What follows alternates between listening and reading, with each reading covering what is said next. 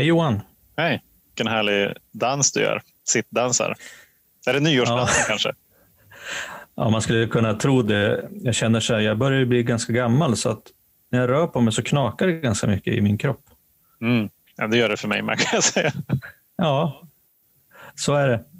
Så är det. Hur mår du? Ja, jo, men jag mår bra. Jag är eh, full med mat tänkte jag säga. Jag har precis varit och käkat en jättegod eh, middag. Mm. Nyårs, ny, det här är ju då, vi spelar in det här då dagen innan nyårsafton. Mm. Och eh, för att stötta våran, våran restaurang här i föreningen The Hills så var vi där och, och käkade en supergod nyårsmiddag här lite dagen innan. Så att det var både, både potatiskaka och det var piggvar och det var liksom pavlova och chokladkaka. Det var jäkligt gott måste jag säga. Aha. Så blir det rester imorgon då, på nyårsafton? Ja, alltså nu åt vi upp allting. så vi får se. Vi ska, vi ska ha någon form av kanadensiskt tema har Josefina bestämt. Mm. Och, eh, och göra eh, Lobster roll och någon grillad hummer ska vi göra här hemma. Och jag är satt på baguette duty. Kanadensiska baguetter. Jag vet inte om det är någon skillnad på svenska och kanadensiska. Men det ska jag göra i alla fall. Jag, jag kommer just att tänka på det när du sa kanadensiskt tema. Det säger mig absolut ingenting. Jag tänker, jag har i alla fall varit ute och gått med hund idag i eh, skog och regn. Mm. Jib, han gillar de där lite uh, trail-passen. Mm. Mm. Det är jätteroligt tycker jag med. Tar ju med honom i sån här lång lina som är väl jag vet inte, 15 meter kanske. Mm. Så dundrar vi ut i skogen. Riktigt kul. Mm. Jag skulle vilja ha på mig Rambo-gear om jag, om jag gick ut. Ja, det är klart att du skulle vilja det. Ja. Men eh, det är lite skillnad att gå ut med jib i skogen, tänker jag, om jag jämför med Gustav. Ja, Gustav vill ju inte vara i skogen heller. Nej, exakt. Så att, eh, nej, men det har ju varit en, det är en eh, ganska här, lugn och eh, väldigt, väldigt avspänd så där, dagen före nyårs, nyårs, inte nyårsdagen, dagen före nyårsafton här. Och vi ska väl ha plockmatstema imorgon. Det blir jag, Jenny, Jib och en av Jennys kompisar. Men det som är roligt, det här sänds ju då på nyårsdagen. Och det är ju en dag, som alla vet, som eh, för många kanske betyder en ny start. Mm. Och för ganska många också kan vara kan associeras med ganska kraftig baksmälla. Det är väl en dag liksom att öppna nya dörrar kanske och uh, tänka, vad ska det här året innebära?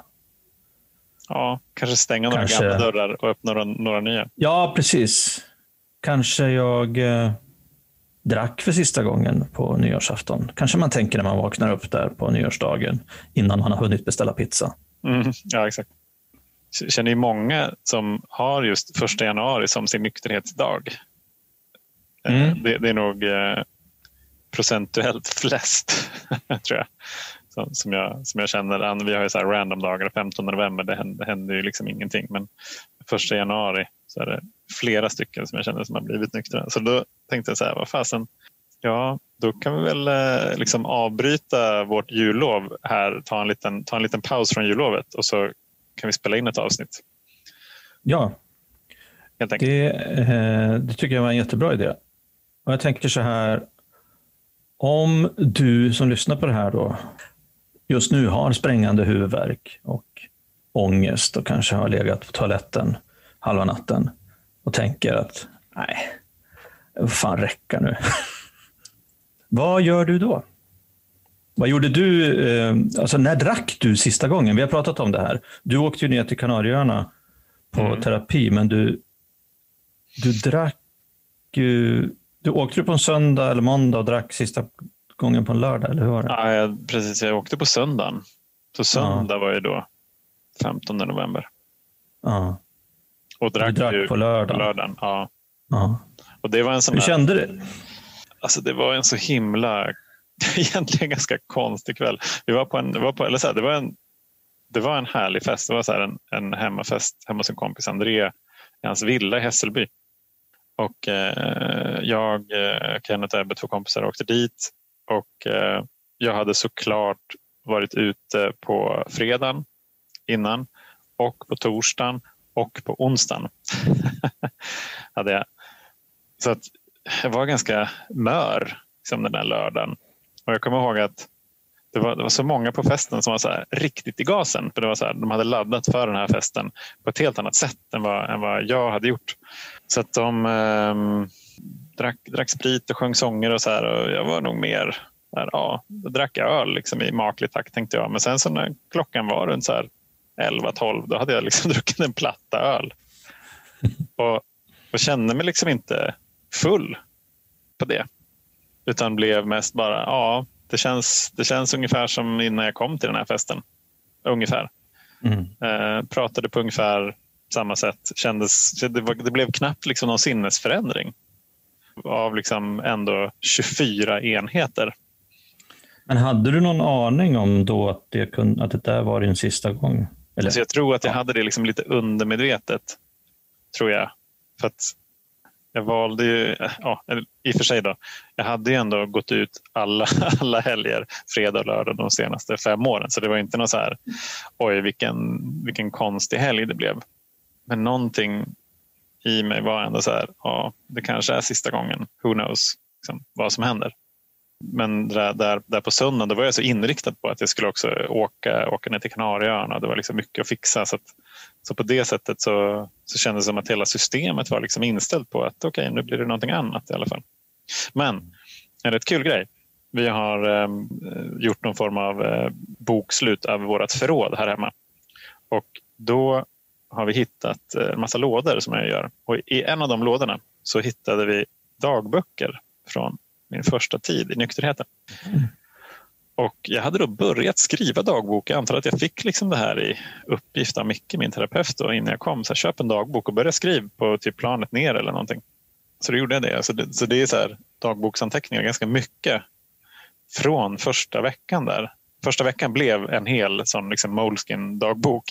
Faktiskt. Jävlar vad jag skrev. Och det, var, det var mycket som var ganska både förvirrat och hoppfullt och eh, en hel del förnekelse såklart. Jag hade mycket tankar kring eh, när kan jag dricka igen eller, eller så här, hoppas att jag inte behöver sluta dricka helt.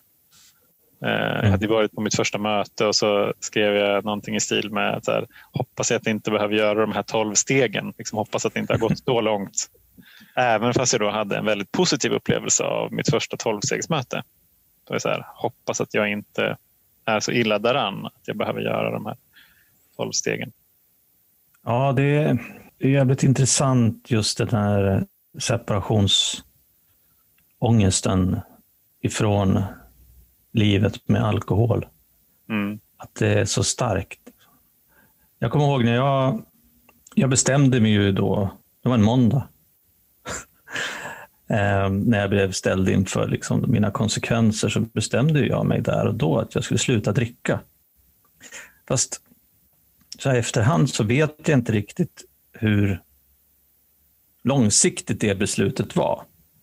Mm. Det var nog alltså, lika delar någon sorts insikt om att jag kan nog inte dricka, men också, också en försvarsmekanism. Liksom, att säga det för att, för att slippa, ja, för att göra folk till lags. Liksom.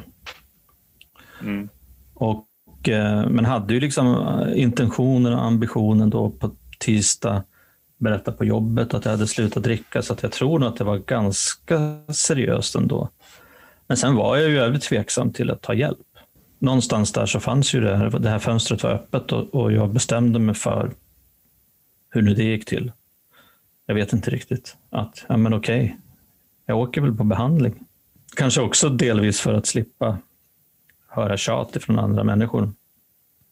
Um, för att jag, jag visste inte hur jag skulle kunna ta ansvar för mig själv mer än att säga att jag ska sluta dricka.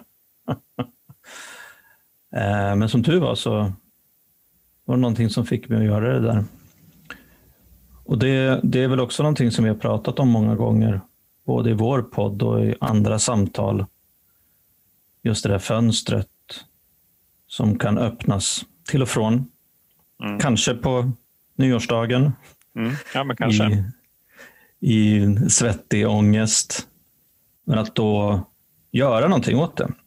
Att ringa till någon eller prata med någon eller försöka hitta ett möte. Mm. Det är knivigt, men det är, också, det är också, som du säger, just den här mixen av förvirring, ångest och eh, hopp. Jag kan inte minnas faktiskt liksom den här... Jag, jag tror inte att jag hade något hopp, alltså på riktigt, om att jag skulle få ett bra liv efter då jag hade slutat dricka. Jag tror bara att, att jag kände att jag var tvungen att sluta dricka. Det var liksom så långt som jag behövde. Det, det beslut jag behövde fatta då. Jag tänkte att, ja, ja, men så är det väl. Det är liksom att jag hade förlorat någonting mm. och fick ta den förlusten. Liksom. Leva ett halvt liv. Men så mm. får det vara. Ja, exakt. Nej, precis. Det var ju samma, samma kval jag gick igenom där på, på Kanarieöarna. Hur kommer mitt liv att se ut? Så här, ja, jag, jag inser ju det, det, det, var på något vis ganska skönt att den här insikten kom ganska snabbt ändå. Att här, jag kan inte fortsätta. För att mitt liv kommer inte att bli lyckligt. Jag kommer inte kunna liksom, trockla mig själv ur den knuten med alkohol. Och då var jag så här, ja, då får det väl vara trist då. Liksom om, om, det, om det handlar om så här, fest och dö i förtid eller att liksom överleva, ja, men då väljer jag ändå att överleva. Och det är klart att det är en sorg eh, det där. Att för mig så jag inser att det är en sorg på, på många olika sätt, eller på flera olika sätt. Dels är det sorgen över att jag aldrig skulle kunna bli den jag ville vara.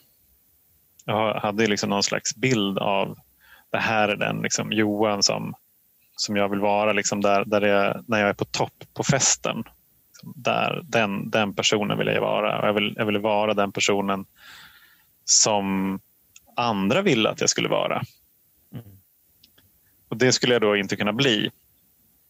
Och eftersom jag inte hade någon plan B så var det så här, okej, okay, vad ska jag bli då? Då, då och då uppstår ju liksom en massa förvirring kring det där såklart. Men det var också sorg att liksom behöva säga hej då till det som har varit. Mm. För det har vi sagt liksom, alltså flera gånger tidigare också att det, det, var inte bara så att det var dåligt liksom, när vi drack. Utan alltså, det är ju liksom, för jag menar, om någonting bara är dåligt, då gör man det inte. Nej, men alltså, jag tänkte precis på det när vi började spela in liksom, nyårsafton. Alltså, jag träffade ju min exfru. Vi var ju ändå ihop i nästan 20 år. På nyårsafton. Mm, nice. När jag var både skitfull och hade rökt ja, jag vet inte om det var marijuana eller hash. Mm. Så att det, det var ju en bra grej. Ja. liksom. Och det sa jag, jag kommer ihåg även, jag vet inte om det var när vi pratade med någon av några andra våra gäster, liksom också träffa sin livspartner liksom, på fyllan. det är klart, det kan ju hända roliga saker. Och, och vi, vi har ju pratat om det förut, alltså, om du kan dricka och vara med om roliga saker och känner att det liksom inte är några problem, vad fan, grattis. Ja. Vi, kun, vi kan inte. Nej, precis. Det var ju bara så här, ja men det var kul och det var också katastrof. Ja, och jag tänkte på nu när du berättade, vi, vi hörde ju både, både du och jag hörde ju en kille som delade sin life story här i, i måndags. Om, det var så jävla roligt. Han berättade att när han var 25, då hade han enligt honom själv liksom en perfekt kväll. Mm, just det. Han kom ihåg allt, han drack inte för mycket, han hade roligt, han kom hem liksom utan att liksom det blev något, något knas. Mm. Och sen så berättade han, så sökte han, så försökte han varje gång han drack efter det att liksom komma tillbaka till den kvällen. Mm. Och han höll på alltså i 21 år, tills han var 46, och försöka hitta den där kvällen igen utan att lyckas. Mm. Jag tycker det är, det är någonstans textbokexempel på mental besatthet. Ja, man säger. exakt. Att, att verkligen att söka, att sträva efter att, att liksom nå mm. den, där, den där känslan som man hade den där gången. och misslyckas flera gånger i veckan och ändå fortsätta tänka att nästa gång. Mm. Ja, precis. Ja, det är sjukt. Mm. Men du, jag tänkte på Jenny ställde mig, höll jag på sig, inte mot väggen, men hon ställde en, en fråga när jag låg i soffan här ute och precis hade vaknat upp ifrån min lilla eftermiddagslur. Hon ställde frågan så här, du, vad har du för intentioner inför 2021? Och så blev jag lite ställd så här för att jag inte direkt funderar på det. Så att jag skickar vidare frågan till dig, Johan. Vad har du för intentioner inför 2021? det, här, det här har vi alltså inte pratat om innan samtalet. Nej, absolut inte. Men jag har i alla fall ett svar som jag kommer på, eh, så att eh, jag kan ta det sen. Ja, precis. Nej, men och nu blir jag ställd mot väggen här. Då, eh, kring ja, jag ser det. Nej, men jag tror att jag tror en, en sak som jag har reflekterat över senaste veckan, veckorna, har varit det här. Det, det, låter ju så banalt, men att vara eh, jag skulle vilja vara ännu mer rak, ärlig, tydlig under 2021. Alltså så här, lite, mer, lite mer kompromisslös kanske.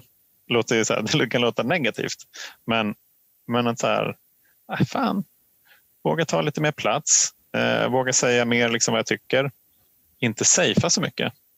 Det har mm. liksom bubblat upp senaste två veckorna. Något sånt där. Oj, oj, oj. Då. Hur fan ska jag hantera det? Det kommer bli revolution i Alkispodden. ja. ja, vad, berätta. Vad har du eh, tänkt? Nej, men jag började prata som jag gör nu ungefär om massa saker. Alltså det vill säga börja prata innan jag har tänkt klart. Men det mynnar ut i att jag, jag sa så mycket grejer som bad mig sammanfatta det typ i ett ord eller en mening. Mm. Och då kom jag på att jag eh, har lyssnat ganska mycket senaste året på Anna Diaz. Mm. Och hon har en låt som heter Bästis. Som handlar om att jag ska vara min egen bästis. Mm. Att jag ska ta hand om mig själv. Att jag ska stå upp för mig själv. Att jag ska ha min rygg. Att det är jag liksom som inte, jag ska inte snacka ner mig själv. Jag ska inte mobba mig själv. Utan jag ska vara min egen bästis. Och det tänker jag är ett så jävla härligt eh, ord. Att eh, nej men jag, jag, min intention för 2020, 2021 är att vara en bästis. Inte bara till mig själv, utan till Jenny och till barnen och de runt omkring mig. En kille som, som man har förtroende för, som man kan lita på, som är ärlig, som inte ljuger, som eh, peppar, mm. som är snäll och som eh, liksom har eh, allas rygg. Det här är alltså en helomvändning från 2020. Ja, ja, ja, ja. Det här, jag har aldrig varit i närheten av att vara den här killen förut. Nej, men så det, det, är, det är också lätt att komma ihåg så, att vara en bästis. Mm. Jag gillar det. Bra koncept. Mm. Bästis. Och det alltså den låten, just att vara, vara sin egen bästis, det är ju också så jävla klockrent. Liksom. Mm. Eh, istället för att kalla det för self-affirmation eller vad, den, mm. vad man ja, ja. gör. Och stå framför spegeln och säga att du, jag älskar dig, du duger som du är. Vad fan. Jag vill vara min egen bästis. Mm. Och andras bästis också. Ja, och jag tänker att för, för att spinna vidare på den. När jag är min egen bästis så har jag möjlighet att vara andras bästis också. Ja, precis. Utifrån, det är svårt. Utifrån att... rätt liksom, anledning att vara ja. det. För då blir ju inte det liksom på... Alltså här, jag, jag minimerar risken i alla fall att det blir på något vis något medberoende i det där bästisskapet. Mm. Tänker jag. Jag kom på nu att det, det ställer ju en jävla massa krav på mig som jag har lite svårt att inte... Ja, men det, det krävs att jag tränar på det, helt enkelt. Mm. Inte det... bara tänker och säger att jag ska få en bästis, utan jag måste ju, måste ju göra grejer. Fan, det är det, det är med det här handlingsprogrammet, tolvstegsprogram och att vara en bästis. Det kräver att man gör saker, inte att man sitter i en podd och säger att man ska vara det. Nej. Nej, det är... Fan har jag nu ställt till med. det är en bra start. Ja, men jag gillar det där. Alltså det, är, det är ett uh, härligt åtagande, tänker jag. Mm. att göra. Så att du som lyssnar på det här och känner att eh, du vill vara din egen bästis, ta hand om dig själv. Tänk på vad som är bäst för dig själv. Och är det så att du känner att igår, nyårsafton, att det kanske var sista gången, så får jättegärna höra av dig till oss. Mm. Så kanske vi kan vara lite av dina bästisar i nykterheten. Mm. Ja, exakt. Det har varit alltså, så himla fint att få kontakt med ännu fler personer som är nya i nykterheten. Jag pratade mm. idag en timme med en tjej som, som hörde av sig här igår. Som är ny i nykterheten, liksom extremt modig, har eh, berättat för liksom nära och kära och sådär tagit några stora viktiga beslut. Och så kommer nyårsafton in. Mm. Liksom, så här, det första som händer egentligen i det här nya nyktra livet. Det är klart att det är svårt. Liksom, det har man aldrig gjort förut. Men eh, det finns ju också några, några tips. ja, jag menar, om, om du klarar nyårsafton efter ett par dagars nykterhet så har du, liksom, då har du en jättestor tillgång med dig i ditt erfarenhetsbibliotek. Och eh, glöm inte att så här, ja, till exempel finns ett samtal bort. Mm. Bara hon har fått kontakt med en av våra tidigare gäster som hon eh, blev inspirerad av det samtalet. Så att, så här, ni, som, ni som känner mig att så här, fasen, jag vet inte liksom hur jag ska göra. Jag har massa frågor men inte fått så mycket svar än. Fasen, mejla oss. Hör av er på Facebook eller Instagram. Alltså, vi har säkert inte heller så många svar att ge er, men vi har, vi har eh, våra erfarenheter i alla fall. Och kan dela med oss av dem och eh, känner ju många andra i nykterheten som, som kanske har erfarenheter som ni kan bli berikade av i er resa här. Och jag menar, det, det, spelar liksom ingen roll om det är så här, nu ska jag vara nykter hela mitt liv eller om det är så här, fast jag tror att jag behöver sluta dricka eller så här, jag vill utforska vad det är för någonting. Hör av er. Uh, ni är inte ensamma. Nej. Verkligen inte. Det är fint. Alltså vi, vi har ju precis gjort vår eh, radiopremiär här också. Det var ett väldigt kort och intensivt uh, inslag med Karin Adelsköld. Ja. Sex minuter långt blev det, va, tror jag. Och sen kom, och sen kom Ekot och, eh, ja. och trumfade vår eh, våran premiär där. Men efter det så har ja, det spännande. sig fler personer. Så att välkomna till Alkispodden och samtalet, ni som känner er nya här. Jag tänker på olika perspektiv på, på tid. Jag, jag letade efter det där klippet och så ser jag liksom att de har jättemånga klipp på P4 Stockholms hemsida. Och de flesta är så mellan 45 sekunder och 1.20 långa. Och så fick vi, alltså vi fick ju egentligen oceaner av tid i sändning, sex minuter. Ja, mm. Men för mig så kändes det ju som typ 30 sekunder. Ja, ja. Det gick jättefort. Ja. ja, spännande. Och så sitter vi här och babblar timme in och timme ut eh, om alkoholism. Mm. Det är klart att det är svårt att göra det på sex minuter då. Ja, verkligen. Aldrig haft någon sån gräns förut. Nej. Men på tal om sex minuter, det är lite roligt att du messade här att det är många som har lyssnat på det första avsnittet mm. den här veckan. Mm. Vårt det. första avsnitt alltså. Och det är ju bara 17 minuter. Ja, det är det. Ja, just det. Det är sant. Det är ju jättekort. Det var ju vår ambition där i början. Sen spårade det ur efter ja. fyra eller någonting. Ja, ja. men eh, vi kan väl eh, runda av det här eh, nyårsdagsavsnittet med att eh, hoppas att eh, ni som lyssnar hade en fin nyårsafton. Mm. Hoppas att ni är friska. Um, och um, påminna om att um, om ni känner att ni vill sluta dricka så tycker jag det som, som Johan sa nyss är väldigt bra. Man kan ju utforska det här. Man kan testa. Mm. Man behöver liksom inte säga aldrig mer.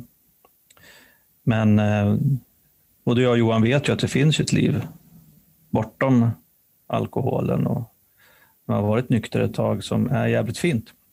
När man till exempel får tillfälle att eh, ha intentionen att vara sin egen bästis. Efter många års nykterhet i och för sig. Men ehm, i alla fall. Mm, ja, en, sån, en sån intention hade jag aldrig när jag var aktiv. det, var, det var nog kanske, ja, kanske innehöll festa mer. Eller något. Ja. Nej, det, var, det var nog mycket träning tror jag som jag ville liksom, balansera upp det där med. Och jag tänker också att en, en sak som jag tänker på är att um, det här livet som, som du har, som jag har nu är ett, ett väldigt fint liv. Inte liksom, trots att vi inte dricker utan tack vare att vi inte dricker. Mm. Och tack vare framför allt att vi har fått så oerhört många verktyg att jobba med oss själva. Mm. Så att liksom det att dricka känns avlägset efter ett tag. Eh, inte på en gång såklart, men efter ett tag gör det och det, det i sig känns ju som ett mirakel. För att så var det ju verkligen inte under så oerhört många år. Men eh, vill bara liksom vittna om det igen, att det är möjligt. Och eh, det, finns liksom en, det finns en annan väg att vandra om man är nyfiken på att utforska det. Härligt.